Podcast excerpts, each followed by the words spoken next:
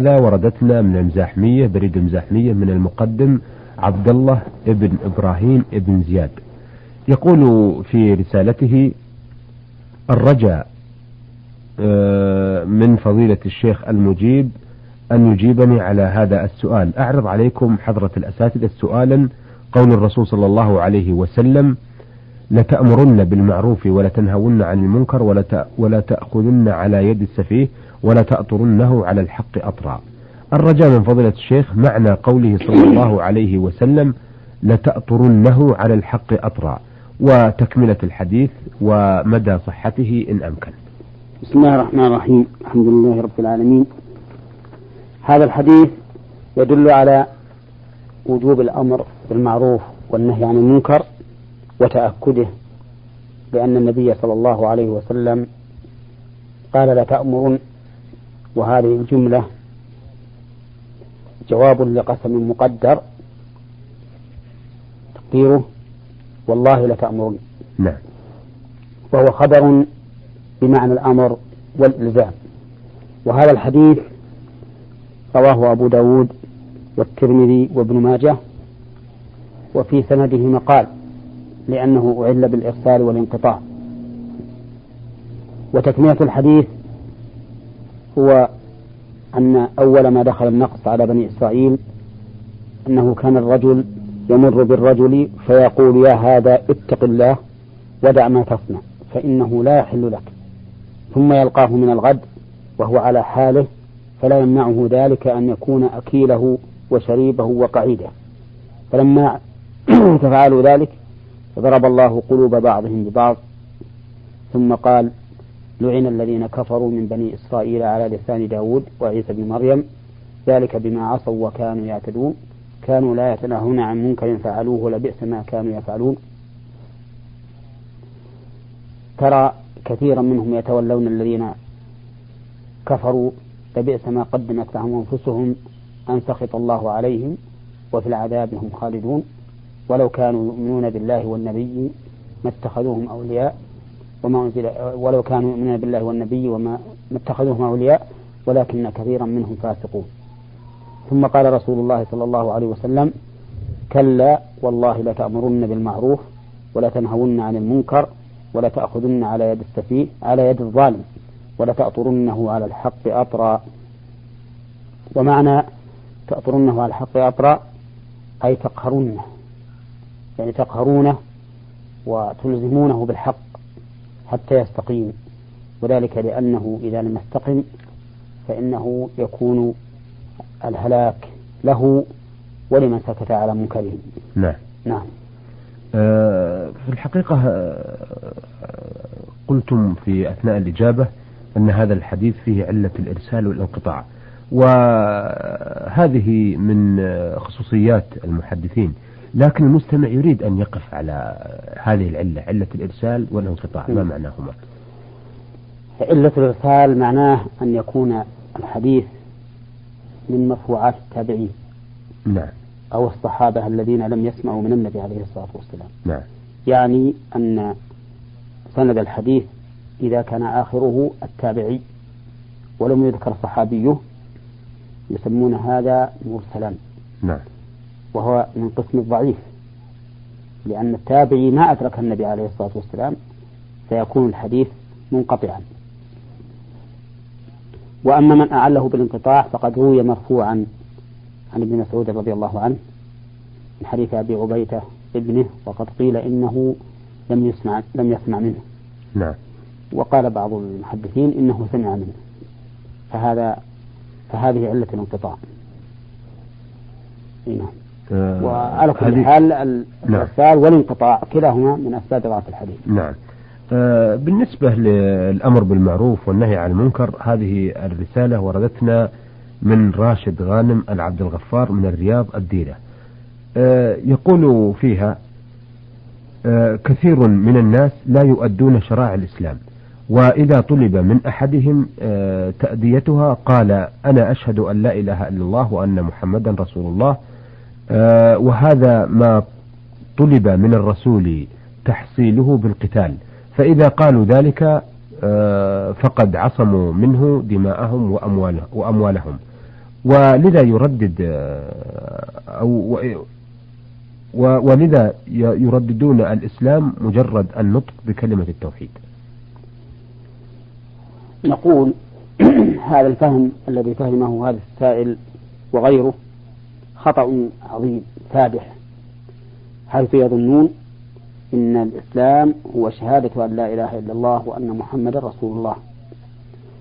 وإنما هذا مفتاح الإسلام نعم. للدخول فيه. وأما الإسلام فإنه هذا مع الشرائع الأخرى. ولهذا قال النبي عليه الصلاة والسلام فإذا فعلوا ذلك عصموا مني دماءهم وأموالهم إلا بحقها وقاتلهم أبو بكر رضي الله عنه قاتل من منع الزكاة. نعم. ولما راجعه راجعه عمر في ذلك قال الزكاة حق المال. نعم. فالزكاة من حقوق الإسلام التي لا بد منها وكذلك الصلاة والحج والصيام. لكن من هذه الحقوق ما يكون تركه كفرا كما في الصلاة التي ثبت عن النبي عليه الصلاة والسلام أنها هي التي بين الرجل وبين الكفر والشرك. نعم. وأنها هي العهد الذي بيننا وبين الكفار. ومن ومن حقوق الإسلام ما لا يكون تركه كفرا بحسب ما تقتضيه النصوص الشرعية. والمهم أن الإسلام ليس مجرد النطق بالشهادتين. وكيف يكون مسلما من يقول أشهد أن لا إله إلا الله وأن محمد رسول الله وهو لا يقوم لله ولا لرسوله صلى الله عليه وسلم بالحق الواجب لهما؟ نعم. إذا كان يشهد أن لا إله إلا الله فلماذا لا يقوم بحقه؟ لماذا لا يعبده؟ إذا كان يقول أن أشهد أن محمد رسول الله لماذا لا يقوم بحقه؟ لماذا لا يتبعه؟ فلا بد من عبادة الله ومن اتباع رسول الله صلى الله عليه وسلم. نعم. وإلا فمجرد نطق الشهادتين لا يكفي. نعم. المنافقون يشهدون أن لا إله إلا الله وأن محمد رسول الله ولكنهم لا يأتون بأركان الإسلام فلذلك لم يكونوا مؤمنين. نعم. نعم. أيضا يقول راشد غانم العبد الغفار بعض الناس هداهم الله إذا أمرته بواجب ديني قال لكم دينكم ولي ديني فما موقف المسلم من ذلك؟ هو صادق في قوله لكم دينكم ولي دين ولكن هذا لا يمنع من أمره بالمعروف ونهي عن المنكر. ولا سيما إلزامه بالشريعة. إذا كان ملتزما لها. فإن المسلم ملتزم بالشريعة وما أسلم إلا وهو ملتزم بشرائع الإسلام. فإذا فرط فيها وأضاعها ألزم بها ولذلك يقهر على شرائع الإسلام أن يقوم بها. فيقهر مثلا على الصوم وعلى الزكاة وعلى الحج ويجبر على ذلك. ثم إن لم يفعله إلا لدفع الإكراه لم يقبل منه وإن فعله لله سبحانه وتعالى قبل. نعم. والمهم أن من دين الإنسان أن يأمر غيره بالمعروف وينهى عن المنكر. فهو إذا قال لي لكم دينكم ولي دين أقول نعم لك, لك دينك ولي ديني لكن ديني يأمرني بأن آمرك بالمعروف وأنهاك عن المنكر. نعم. فهو من ديني. نعم. آه أيضا يقول كيف يكون المسح على الشراب؟ هل نبدأ بالمسح على الرجل اليمنى ثم اليسرى أو نمسح عليهما معا بكلتا اليدين ولا بأس في ذلك؟ علما أن هذا هو عمل الناس في هذا اليوم. يرى بعض أهل العلم أن المسح على الخفين كالمسح على الأذنين أنه يمسحهما مرة واحدة أي آه، جميعا بدون أن يقدم اليمنى على اليسرى فيمسح اليمنى باليد اليمنى والرجل اليسرى باليد اليسرى نعم. كما أنه يمسح الأذنين كذلك دفعة واحدة نعم. والراجح عندي أنه يمسح الرجل اليمنى قبل اليسرى وذلك لأن مسح الرجلين قائم مقام غسلهما نعم. وهما عضوان كل عضو مستقل عن الآخر وإذا كان المسح بدلا عن الغسل والغسل يشرع فيه تقديم اليمنى على اليسرى فإن البدل يكون له حكم المبدل. نعم. ولا يصح قياسهما على الأذنين لأن الأذنين لأن الأذنين من الرأس وهما عضو واحد. فكما أن الرجل إذا مسح على رأسه يمر بيديه عليه ويكون مسحه لجانب الرأس الأيمن والأيسر دفعة واحدة كذلك أيضا المسح على الأذنين يكون دفعة واحدة لأنهما من الرأس وأما الرجلان فإنهما عضوان كل عضو مستقل عن الآخر نعم. فيكون لكل عضو حكمه وقد كان رسول الله صلى الله عليه وسلم يعجبه التيامن في تنعله وترجله وطهوره وفي شأنه كله نعم. نعم. آه، أيضا يقول آه، كثير من الناس لا يؤدون شرائع الإسلام لا سؤاله يقول الصلاة يتهاون بها كثير من الناس اليوم فما هي الأسباب في نظركم وما هي السبل التي يمكن اتباعها لإرجاع المسلمين إليها إن شاء الله تعالى؟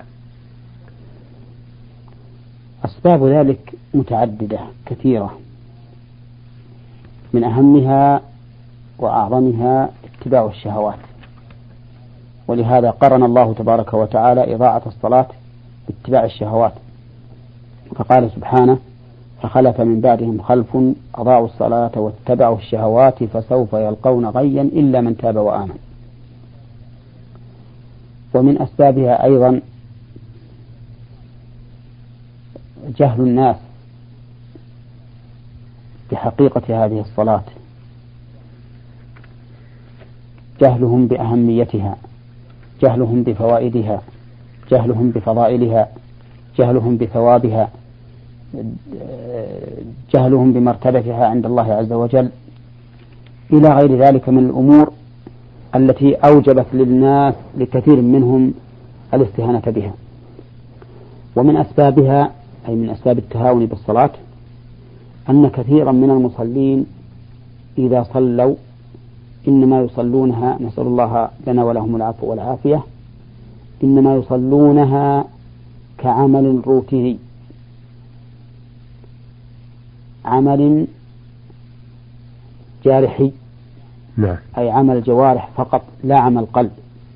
فلا فلا تكاد تجد عندهم خضوعا ولا خشوعا ولا ذلا بين يدي الله عز وجل ولا استحضارا لما يقولون في صلاتهم ولا استحضارا لما يفعلون.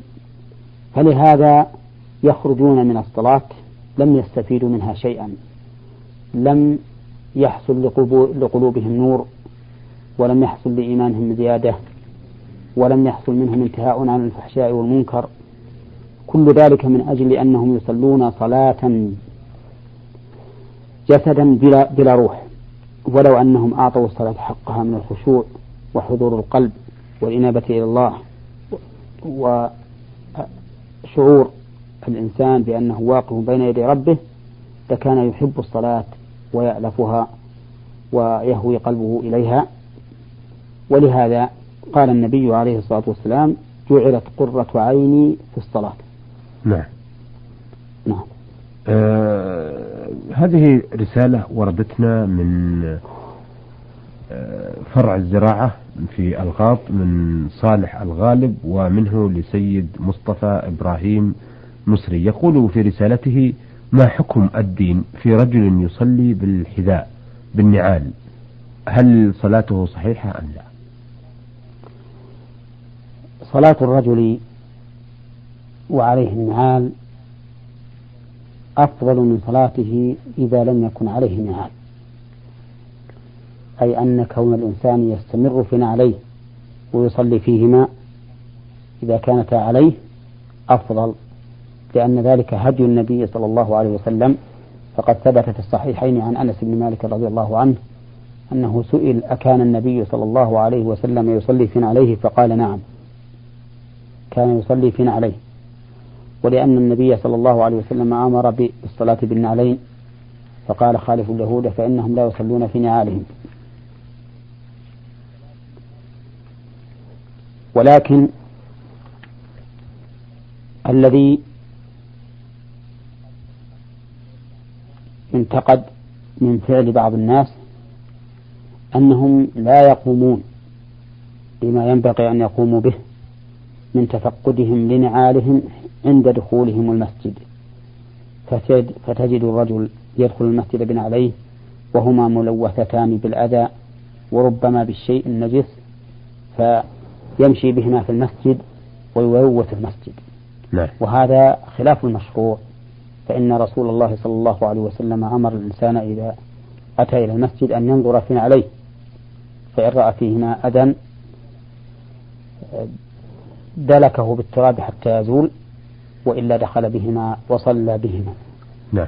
فالمهم أنه لا ينكر على من صلى فينا عليه بل يحمد ويشكر. اللهم إلا إذا كان ذلك يؤدي إلى مفسدة. مثل أن يقتدي به الجهال الذين لا يعطون المسجد حقه والذين يدخلون به نعالهم على الوجه الذي وصفناه آنفا. نعم. فإن هذا قد يعرض له أي الفاضل ما يجعله دون المفضول نعم. نعم. آه سؤاله الثاني يقول ما هي الصلاة الوسطى أفيدونا مشكورين؟ الصلاة الوسطى هي صلاة العصر. ثبت ذلك في الصحيح عن النبي صلى الله عليه وسلم فإنه قال يوم الخندق شغلونا عن الصلاة الوسطى صلاة العصر. فهي صلاة الصلاة أعني الصلاة الوسطى هي صلاة العصر بلا ريب. ومعنى الوسطى ليس معناها من, من توسط العدد بل المراد بها الفضلى كما قال الله تعالى وكذلك جعلناكم أمة وسطا يعني عدلا خيارا نعم بين الأمم. فالمراد بالوسطى الصلاة الفضلى. نعم. وهي صلاة العصر. أثابكم الله. أيها السادة إلى هنا نأتي إلى نهاية لقائنا